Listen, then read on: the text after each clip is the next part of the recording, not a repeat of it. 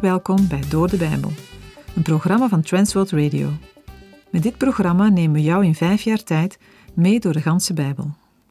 We luisteren vandaag in uitzending 563 verder naar de gesprekken die Job met zijn vrienden voert. Job komt tijdens zijn antwoord aan Elifas tot de indrukwekkende uitroep dat hij weet dat ondanks alles zijn pleitbezorger in de hemel is. Dat is het geheim van Job. Door het hele boek heen, door al zijn lijden heen, laat hij God niet los. Job heeft geen makkelijke relatie met God.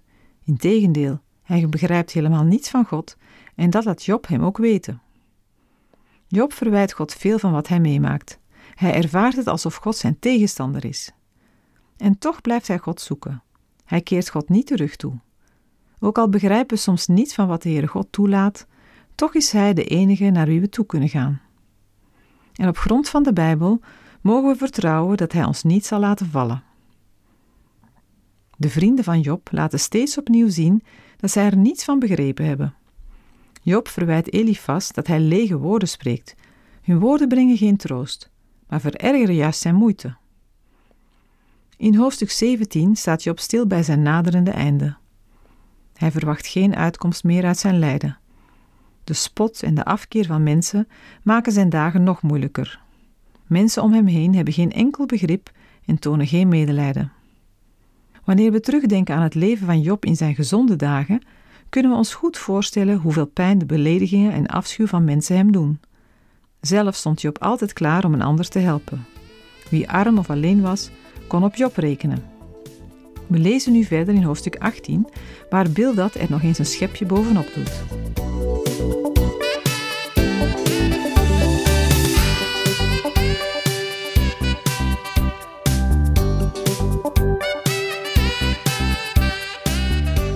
In Job 18 gaat Bildad opnieuw met Job in discussie.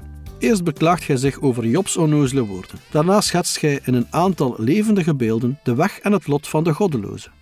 Het wordt niet expliciet door Bildad gezegd, maar hij heeft overduidelijk aan Job gedacht bij het oproepen van deze beelden. Wat is Bildad eigenlijk voor een vriend? Hij beweert met deze voorbeelden dat Job een goddeloze is geworden. Terecht had Job in hoofdstuk 16, vers 2 gezegd: Ik heb al vaak dergelijke dingen gehoord. Jullie zijn allemaal moeitevolle vertroosters. Job 18, versen 1 tot en met 3. Toen antwoordde Bildad, de Sugiet, en zei: Hoe lang duurt het, voor jullie een einde aan jullie woorden maken? Krijg inzicht, en daarna zullen wij spreken. Waarom worden wij als vee beschouwd, en zijn wij onrein in jullie ogen? Bildad is ongeduldig, en hij heeft genoeg van het luisteren. Hij vindt de woorden van Job onverstandig. Voor hem is het niet meer dan een woordenvloed. Hij heeft de diepe emotie er niet in opgemerkt. Bildad wil dat er een einde komt aan de woorden van Job. Hij wil pas antwoord geven als er bij Job begrip is voor wat hij zegt. Toch wacht hij geen reactie af, maar raast gewoon verder. Bildad reageert fel op wat Job heeft gezegd. Waar haalt Job het lef vandaan om te beweren dat Bildad en zijn vrienden niet wijs zijn?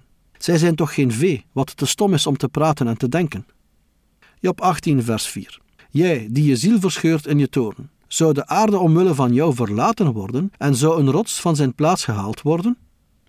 Hier richt Bildad zich alleen tot Job. Job had zijn beklag gedaan en daarin verklaart dat de toorn van de Heere hem verscheurde. Nu stelt Bildad dat het niet de Heere is die Job verscheurt, maar dat het Job zelf is die in zijn woede zichzelf verscheurt. In Job 5 vers 2 had Elifas in algemene termen beschreven dat ergernis en afgunst de ondergang van de dwaas betekenen. Nu past Bildad deze algemene beschrijving toe op Job.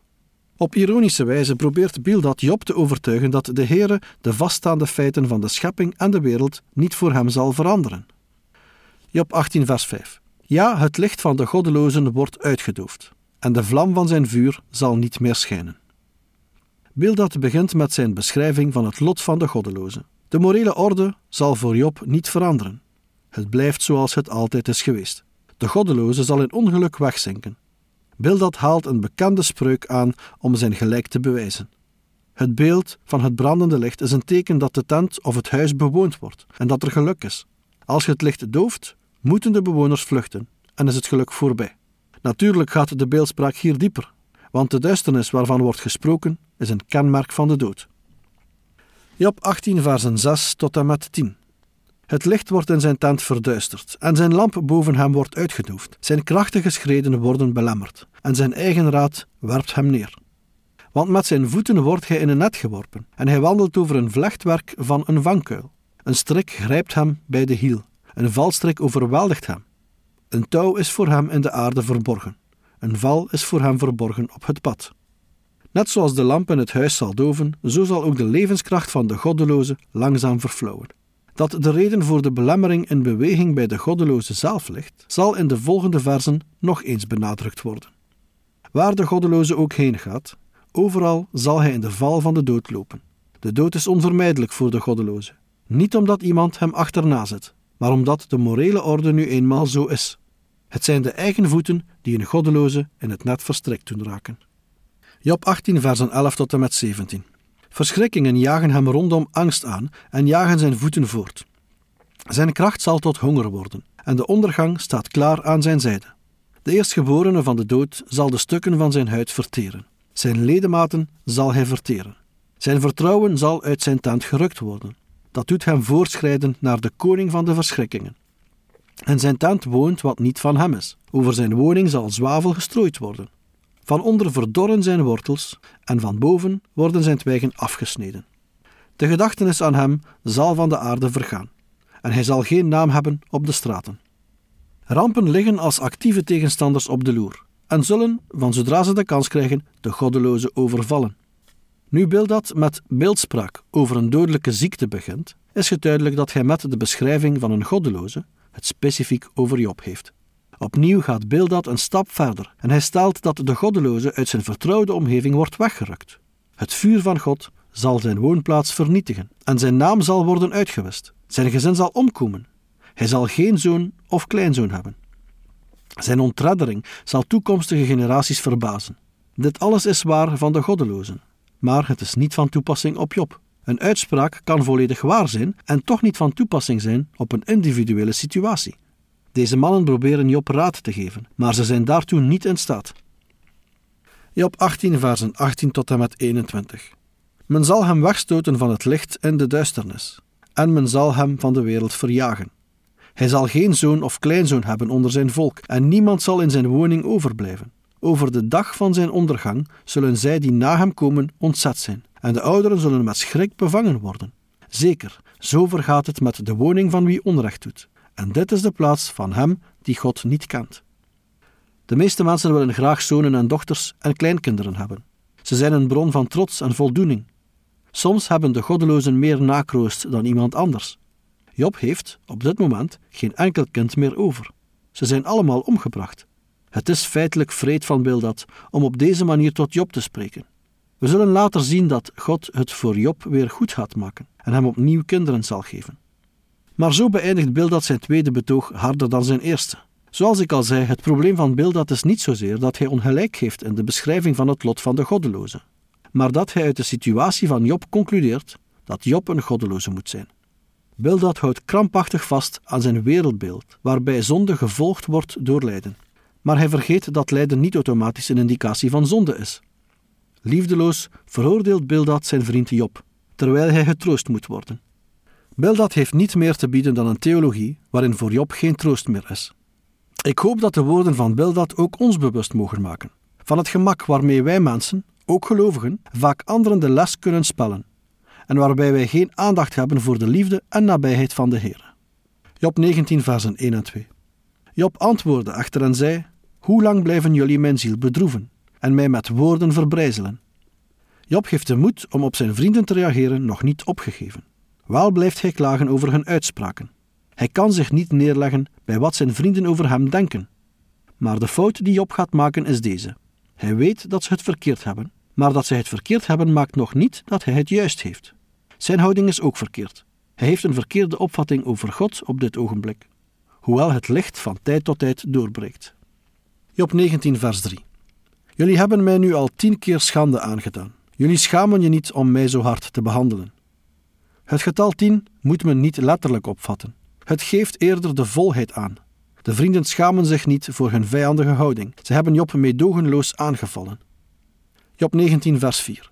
Maar ook als ik werkelijk gedwaald heb, zal mijn dwaling dan toch bij mij overnachten. Job maakt duidelijk dat de vijandige houding van zijn vrienden niet nodig is, want zelfs al zou hij gezondigd hebben, dan is dat in de eerste plaats zijn zorg. Job 19, versen 5 tot en met 12. Als jullie je werkelijk boven mij verheffen en mijn schande als bewijs tegen mij aanvoeren, weet dan dat God mij neergedrukt heeft en mij met zijn vangnet omsingeld heeft. Zie, ik roep, geweld, maar ik krijg geen antwoord. Ik roep om hulp, maar er is geen recht. Hij heeft mijn weg versperd, zodat ik er niet door kan gaan. En op mijn paden heeft hij duisternis geplaatst. Van mijn eer heeft hij mij beroofd. En de kroon van mijn hoofd heeft hij weggenomen. Hij heeft mij aan alle kanten afgebroken, zodat ik ten onder ga. En heeft mijn hoop losgetrokken als een boom. Hij heeft zijn toren tegen mij laten ontbranden en mij tegenover hem beschouwd als een van zijn vijanden. Zijn troepen zijn te samen gekomen. Ze hebben hun weg naar mij gebaand en zich gelegerd rondom mijn tent. Bildad heeft gezegd dat Job in een strik gelopen was. Maar Job houdt vol dat God dit gedaan heeft en dat God er geen uitleg voor gegeven heeft. Volgens Job heeft de Heer hem overweldigd en in zijn net gevangen. Hij is zich van geen zonde of fout bewust. Hij zegt dat God hem heel hard behandelt en dat er een verklaring voor moet zijn. Het doel van God moet anders zijn dan de verklaring die zijn vrienden hem geven. Maar Job bekent dat hij niet weet wat het doel is. Job 19, versen 13 tot en met 22. Mijn broeders heeft hij ver van mij weggedaan, en wie mij kennen, zijn geheel van mij vervreemd. Mijn naaste verwanten blijven weg, en mijn bekenden vergeten mij. Mijn huisgenoten en mijn slavinnen beschouwen mij als een vreemde. Een buitenstaander ben ik in hun ogen. Ik riep mijn dienaar, maar hij antwoordde niet. Ik moet hem smeken met mijn mond. Mijn adem is vreemd voor mijn vrouw. En ik stink voor de kinderen van mijn buik. Zelfs de jonge kinderen verachten mij. Als ik opsta, spreken zij mij tegen. Alle mensen met wie ik vertrouwelijk overlegde, hebben een afschuw van mij. En hen die ik lief had, hebben zich tegen mij gekeerd. Mijn beenderen kleven aan mijn huid en aan mijn vlees, en slechts mijn tandvlees bleef mij over. Ontferm je over mij, ontferm je over mij, jullie, mijn vrienden, want de hand van God heeft mij getroffen. Waarom vervolgen jullie mij, zoals God, en worden jullie niet verzadigd van mijn vlees? Na het spreken in beelden gaat Job verder met zijn klacht en herhaalt wat er letterlijk met hem is gebeurd. Job gaat verder met te zeggen hoe zijn broeders hem verlaten hebben. Zijn kennissen van hem zijn vervreemd. Zijn vrienden hem vergeten hebben. De slavinnen die in zijn huis wonen hem als een vreemdeling behandelden, zijn knechten op zijn roepen niet komen. En zijn vrouw voor hem een vreemde is. Zelfs de jonge kinderen hebben een afkeer van hem. Hij is zo mager dat zijn huid aan zijn beenderen kleeft. Hij vraagt zijn vrienden om medelijden. Job heeft een trieste conclusie getrokken. Hij is volledig geïsoleerd geraakt. Zijn vertrouwelingen, de mensen die hij lief had, hebben hem in de steek gelaten en zijn nu tegen hem. Hij heeft helemaal niets meer. Deze versen hebben dus niet enkel als doel de ziekte van Job te beschrijven, maar tonen ook de eenzaamheid aan. Niets heeft Job meer over. Alles is hem afgenomen.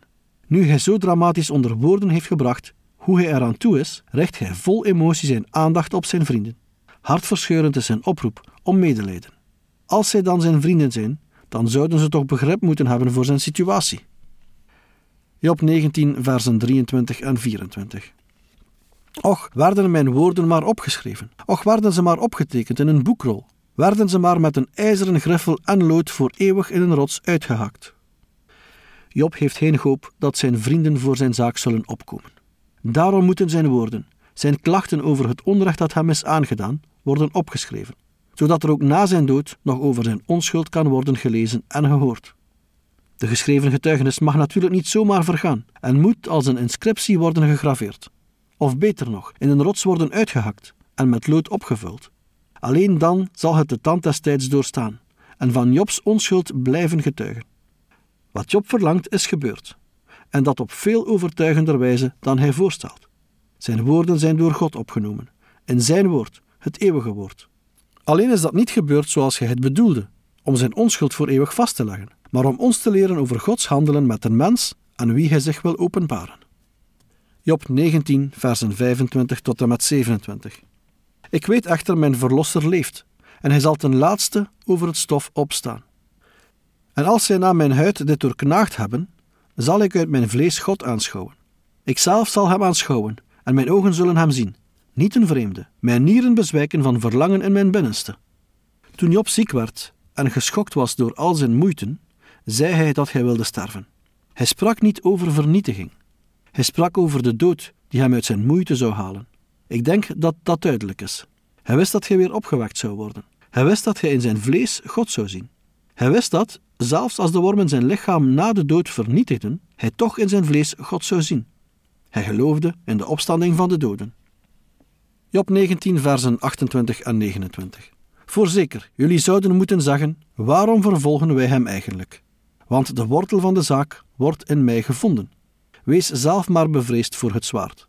Want woede is een van de misdaden die het zwaard verdienen, opdat jullie weten dat er een oordeel is.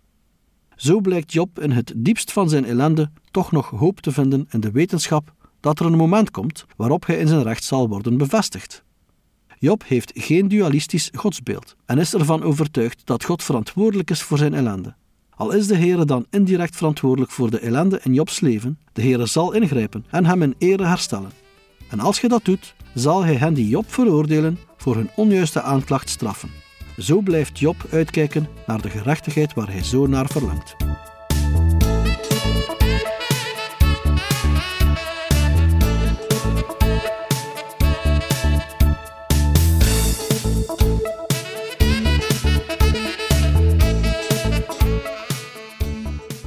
U heeft geluisterd naar Door de Bijbel, een programma waarin we in vijf jaar tijd de ganse Bijbel bespreken. De basis voor het programma is de Bijbelstudiereeks van Dr. Vernon McGee, Through the Bible. Deze werd in het Vlaams vertaald en bewerkt door Transworld Radio. U kan elke werkdag naar een nieuwe uitzending luisteren en u kan ook steeds voorbije uitzendingen opnieuw beluisteren of downloaden. Als u wilt reageren op deze uitzending of u heeft vragen, dan kunt u uiteraard contact met ons opnemen. U kan een e-mail sturen naar doordebijbel.twr.be. Verder kan u op onze site terecht, www.twr.be, voor meer info en het beluisteren van onze overige programma's. Dit programma werd gepresenteerd door Patrick Couchement en Anne Notenboom. Wij danken u voor het luisteren en graag tot een volgende keer.